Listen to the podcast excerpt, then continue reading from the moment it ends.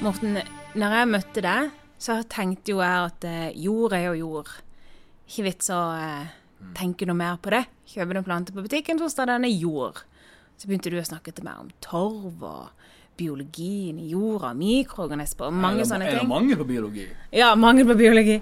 Eh, og jeg, siden da så ble liksom hele planteriket det ble vanvittig logisk for min del. Men kan ikke du dykke skikkelig dypt inn i jordbiologien for de som har lyst til å eh, nerde litt sammen med oss her i dag?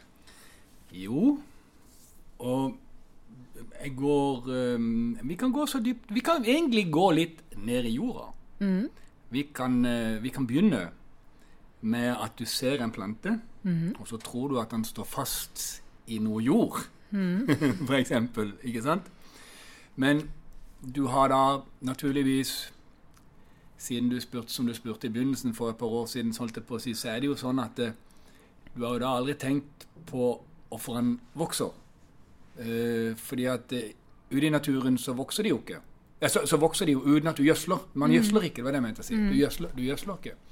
Men du går allikevel med De fleste mennesker går med et inntrykk og en oppfattelse og en lære om at skal en plante vokse, så må den gjødsles. Men hver gang de er en tur på skauen, så går de altså blant millioner av planter som aldri gjødsles, og som er kraftigere og flottere og sunnere og finere enn noen andre. Spesielt kanskje de mange har på hjemme eller på kontoret.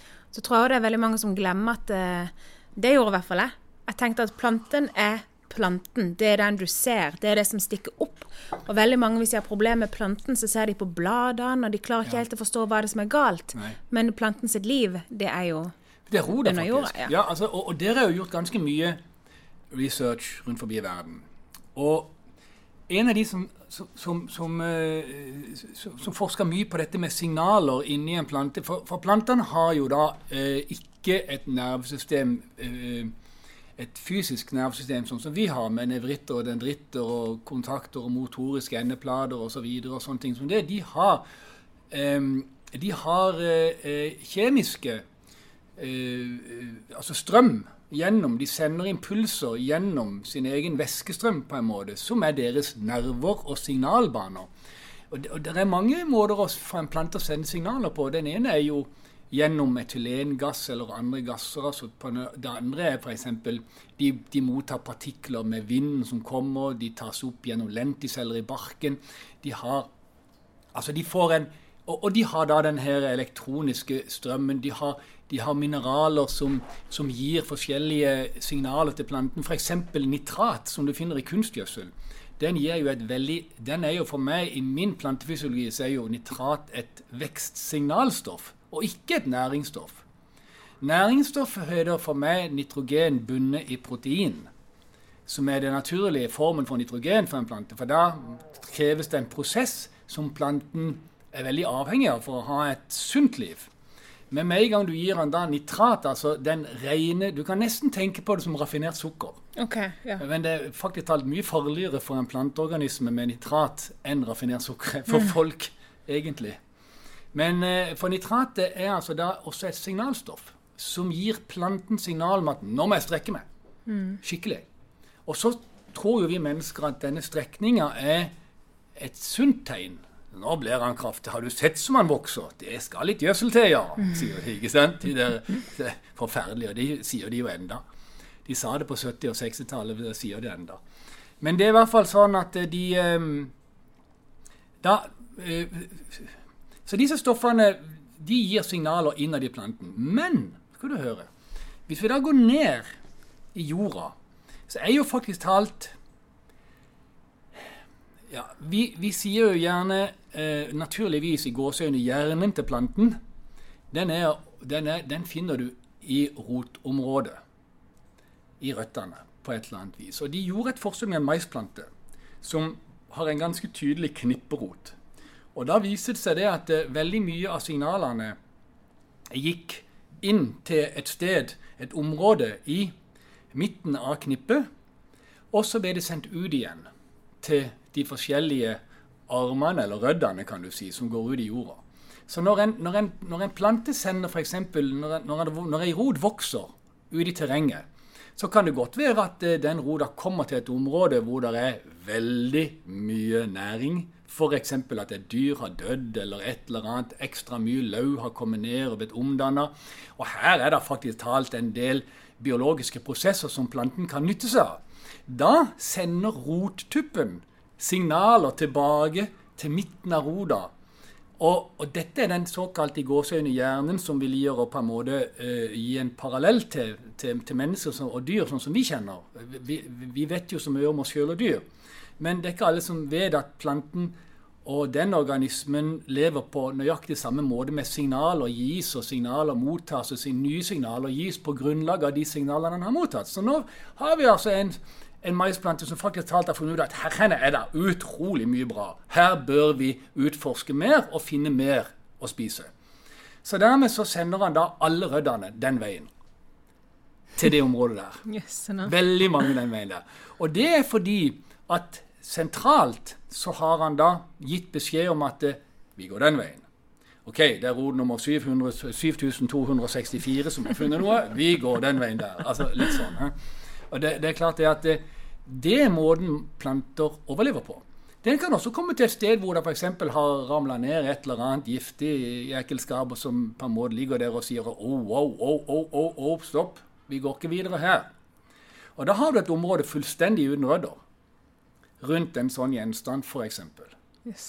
Sånn at de, de, de, de har et uh, utrolig aktivt uh, tankevirksomhet, hvis en kan si det sånn de, de, de, de tar imot signaler, og de endrer atferd på bakgrunn av signalene.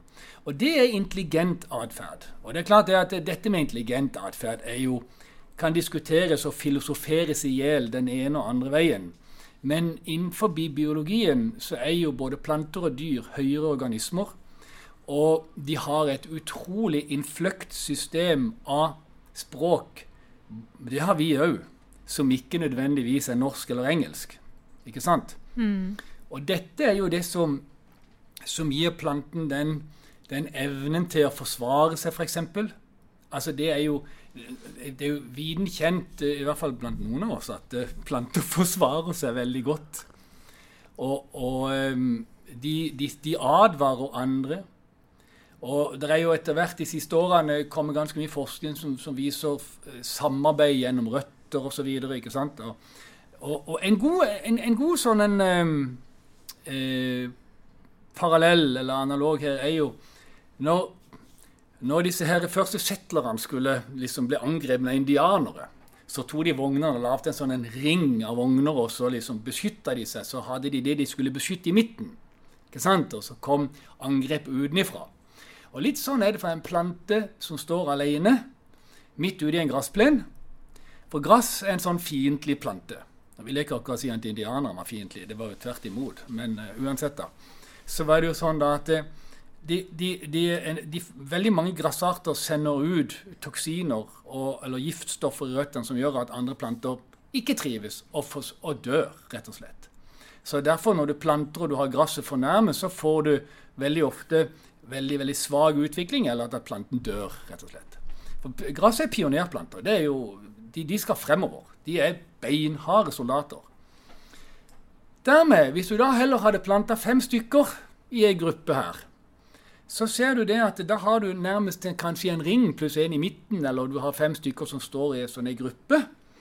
Og nå har de faktisk talt begynt å dele på oppgavene etter et års tid. De skal etablere seg og finne frem i jorda og skjønne hvor den andre er. Og de er jo ikke like kjappe som oss. De bruker jo litt tid. Ikke sant? Sånn at de, de lever ca. 200 ganger seinere enn dyr. Bevegelser og sånne ting. Men det, det, er helt klart at denne Når du da får um, her, de vognene i ring så Når plantene står i ring sånn, så har de et område imellom seg som er uten angrep. Og så har de et område på utsida hvor gresset kommer, f.eks. Og da setter de i gang forsvarsstoffer ut mot gresset. inni i midten så driver de og, og, og, og henter mat og, jobber og, samarbeider for å overleve og ha det fint der ute i gressplenen. grusomt sted å ha en plante. Jeg begynner jo å forstå nå hvorfor denne stakkarslige, svake, lille magnoliatreet mitt eh, ikke overlevde når jeg plasserte det bare midt på gresset. Ja, Uten noe annet. det er jo veldig trist. Ja. Ja, for det første står jo aldri magnolia alene. Magnolia er jo et skogstre som står inn under andre og trives veldig mye sammen med andre. Og Uff, sånn. jeg får, å, jeg får vondt i hjertet. Det var vel borte nå. Det er over. Ja, Jeg har lært. Ja.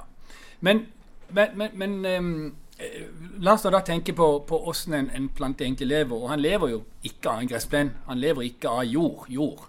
Han lever av det som er i jorda, og det som kommer til jorda. Så hvis du har ei åpen jord, altså som du ser jorda, så er det ikke noe som kommer til den jorda. Så den kan aldri bli god. Skjønner du? Alle steder i verden hvor planter vokser, så kommer det noe og legger seg på jorda som blir omdanna, og som blir til mat. Til planten gjennom en prosess som er mikroorganismenes arbeid. Og du kan godt Det er litt sånn Jeg, jeg husker jeg diskuterte en gang med, med en, eh, med en eh, forsker.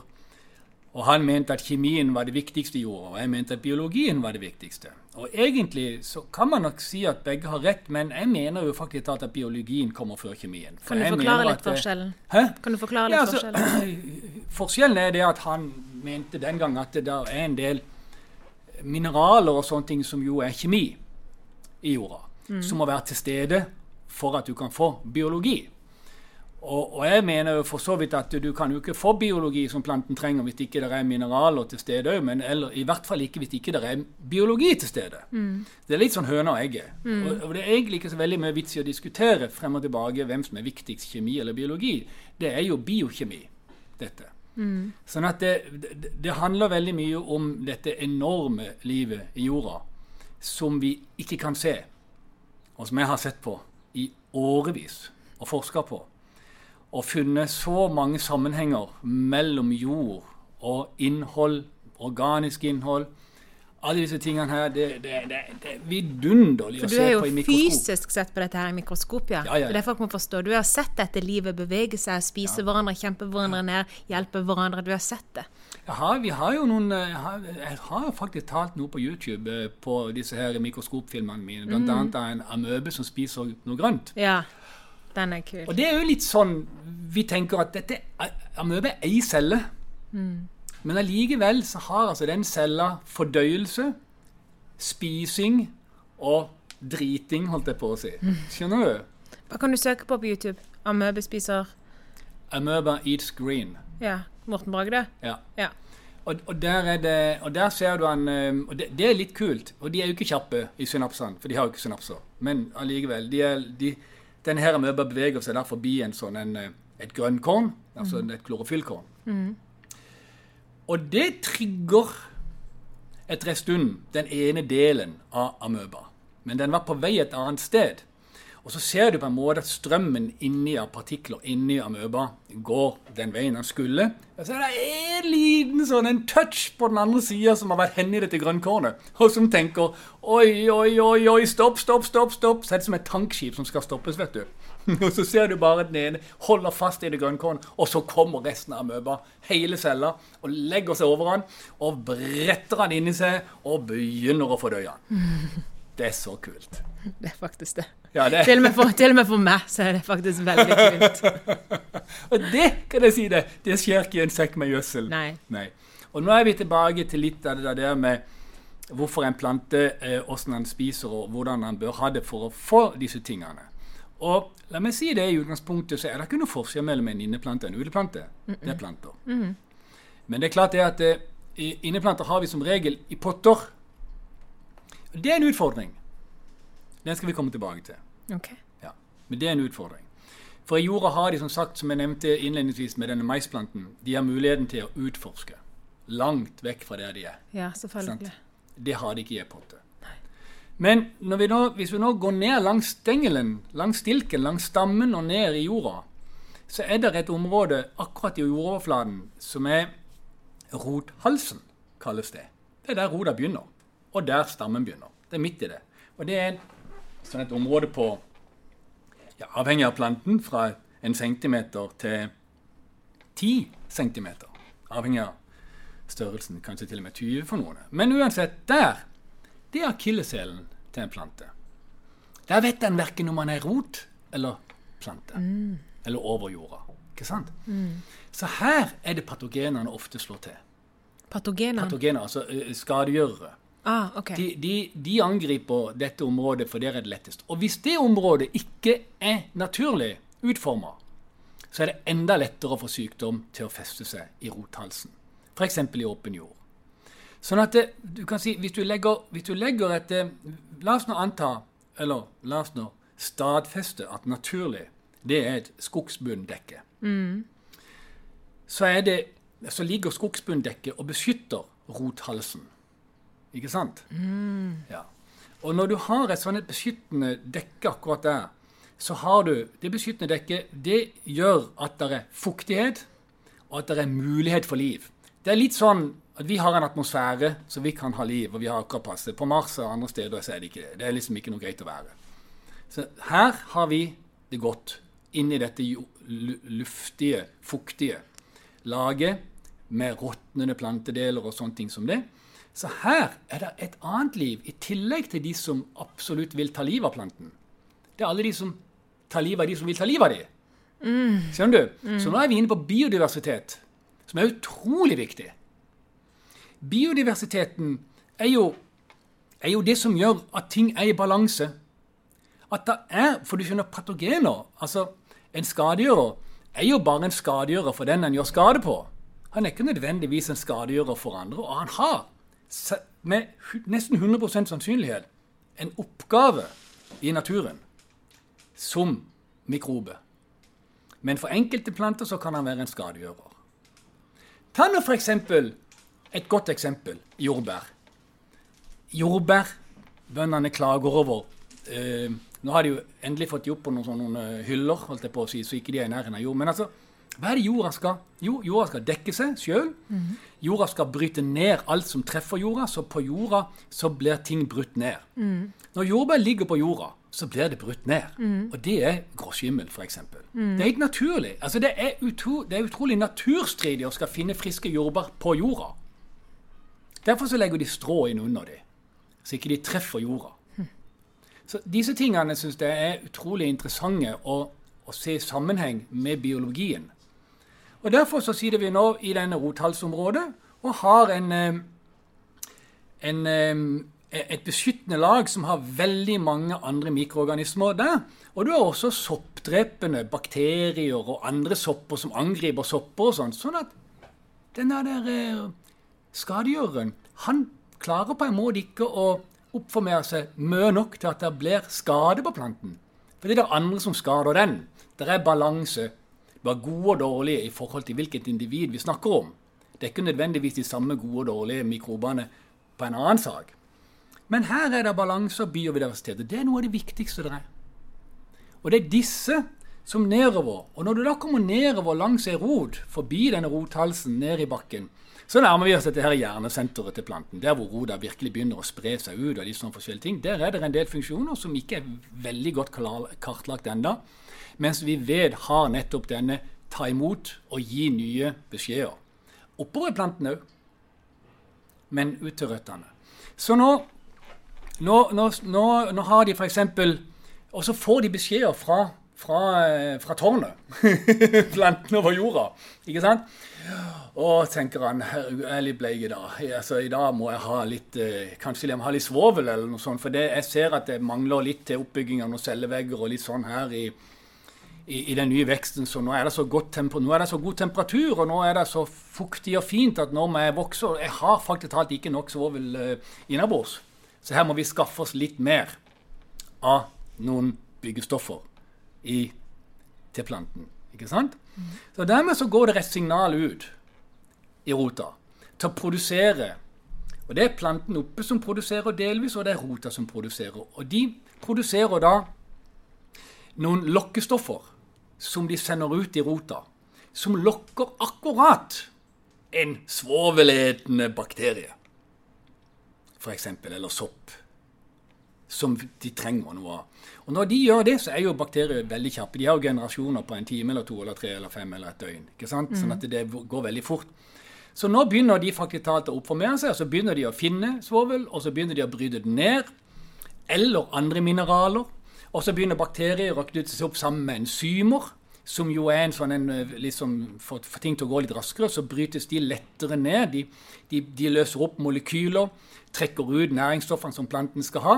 Og så tar disse bakteriene dette opp, og så dør de bakteriene. og enten så kan du da finne disse stoffene i døde mikroorganismer, eller så kan de være svevende, små partikler som er i nærheten av Roda, i denne risosfæren, altså i selve rotatmosfæren.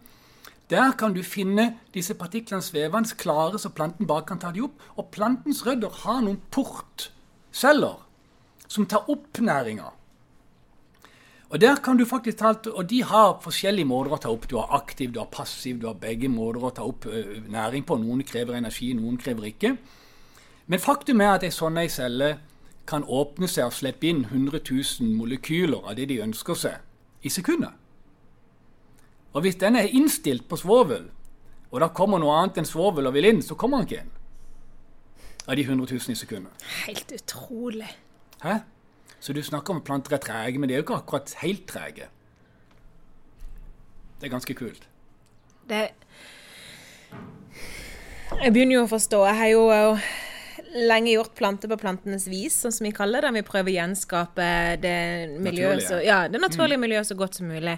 Og det er mange som spør meg bare må jeg gjøre ditten, må jeg gjøre datten? Bare nei pleier å forklare til folk at du kan velge om du vil gjøre plante på plantenes vis, sånn som vi gjør det. Og her er jo grunnen til hvorfor. Mm. Du kan gjøre planten vil, Hvis du bare vil ha et interiørbit, så kjør på med, med blomsterjord og gjødsel hvis det er det du ønsker, hvis det er det som passer deg best. Eller du kan gjøre semihydro, sant? hvis ikke du ønsker jord i det hele tatt. Det er mange måter å gjøre det på, men denne her måten som vi gjør det på, er jo for oss veldig, veldig spennende. Ja. Og, og, og dette, dette som jeg forklarer nå, er jo sånn som en plante lever, og sånn som det skal være der han lever. Mm. Og som jeg sa, så er det et litt annet problem i en potte, eller en utfordring i en potte. Det er noe vi tok tak i for 25 år siden, mm. hvor vi begynte å jobbe med ren kompost og ikke gjødsel. Det er 35 år siden. Til var det 92? Hvor lenge siden er det? Det er en stund siden. Mm. Da kutta jeg ut alt av gjødsel. Og så tenkte jeg nå må jeg bare tvinge meg sjøl til å få en plante til å trives sånn som man gjør i naturen, i potte. Mm. Og den største problemet med det var jo at vi mangla vi mangla oksygen nedi her. Mm. Så dermed så begynte vi med disse airpodsene. Men det er for så vidt en annen pod. Um, å se på hvordan biologien kan, kan fungere i ei potte. Mm. Og hva som må gjøres for å få det til. Men uh, uansett, uh, Belinda, dette med at en plante tenker litt, at han gir beskjeder, at han mottar beskjeder, og at uh, han har omgivelser som fungerer i forhold til å gi fra seg næring til han. For han trenger næring. Ikke sant? Og det får han da via disse mikroorganismene som lever i jorda, og et fuktighetsbevarende, lunende, isolerende lag oppå jorda. Mm. Det er jo nøkkelen til levende jord. Mm. Og der tror jeg vi, vi er jo veldig mange i Norge nå som har hamstra 10, 20, 30, 40, 50, 60, 70 planter. Um, veldig mange av oss har potta det om i uh, levende jord, og så har vi ikke helt Eller sier vi, for jeg skal prøve å være litt sånn ja. solidarisk, ja. men det er jo veldig mange som har glemt at uh, du kan ikke bare potte planten og gå. Nei du må jobbe litt med det. Dette ja, her med oksygenet nå, sant. Jeg har eh, grillspyd, vet du. Mm. Jeg har stappa et par grillspyd ned i nesten alle plantene mine. Ja. Så når jeg går forbi de, så bare hakker jeg litt. ja. ja, litt, ja. Og så har ikke jeg problemer med verken hard jord eller Nei. Det, det er jo én ting. Og, og, og, det med hard jord er jo en helt annen sak, altså. Men den kan vi ta. Den skal vi ta om potter, Belinda. Ja, da tar vi en egen en om, ja, eh, om potter og jord. Men, men jeg syns Jeg syns, jeg syns dette med uh, biologien og biokjemien og, og, fysiologien til en plante er litt viktig for folk å vite om. sånn at de, Det har hele tida vært min tanke at dette må jeg Jeg hadde et forskningsprosjekt på dette gjennom mange år. Og, og, og tanken var jo at dette må jeg få ut til menigmannen, sånn at de sjøl kan finne ut hvordan de skal gjøre det for at en plante skal trives. Mm. Så hvis de bare vet hvorfor og hva og hvor mye som skjer nede i ei god jord, der en plante egentlig vokser, så, så kan det være at de lar være å kjøpe torvfri jord eller kokos eller et eller annet annet merkelig tilsatt næring. For den næringa som er tilsatt, det er lettopptagelig næring. Og Det er akkurat som jeg nevnte i begynnelsen med nitrater, de ammonium, som er husdyrgjødsel, som jo absolutt ikke er naturlig gjødsel. Det er også en tragisk misforståelse at husdyrgjødsel er så mye bedre enn kunstgjødsel. Den er bedre fordi at det er litt organisk stoff sammen med det. Hva mener du med det? Ja, eh, Sauegjødsel, kugjødsel, Ah, ja. hønsegjødsel, eh, you name it. Skjønner du? Det er liksom på en måte, det er ikke noe bedre det enn en, en kunstgjødsel for planten. Det er litt bedre for jorda, for det ofte er den bundet sammen med noe organisk materiale, som jo også har også ammonium en lengre på en måte bindingstid, litt avhengig av jordtypen du har. Så, så, kan, så kan den binde seg i jorda være tilgjengelig lenger enn nitratet, som vaskes ut. Ikke sant? Og som gir en oppblomstring og alt mulig. Og, ja. Vi hadde jo eh, ja. Det er en helt egen sak. Her har vi hatt fosfat og nitrat og alt mulig som førte til oppblomstring og algeoppblomstring og blooming og elver og landbruksområder og fjorder som ble ødelagt osv. av landbruk og kjemikalier som ble pøst ut. Eller eh, fosfatvaskemidler på 60-tallet eller 50-tallet. Det var jo grusomt.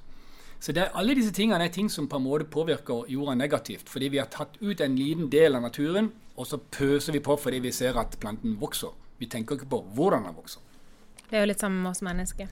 Det er jo det. Setter deg inn i hvordan vi fungerer, og hva vi faktisk kan leve av, så eh, endrer du automatisk eh, spisevane, Ja, bevegelsesvane, ja, alt mulig. ja. Du går i hvert fall ikke ut og legger deg på et steril, eh, sterilt måltid Nei.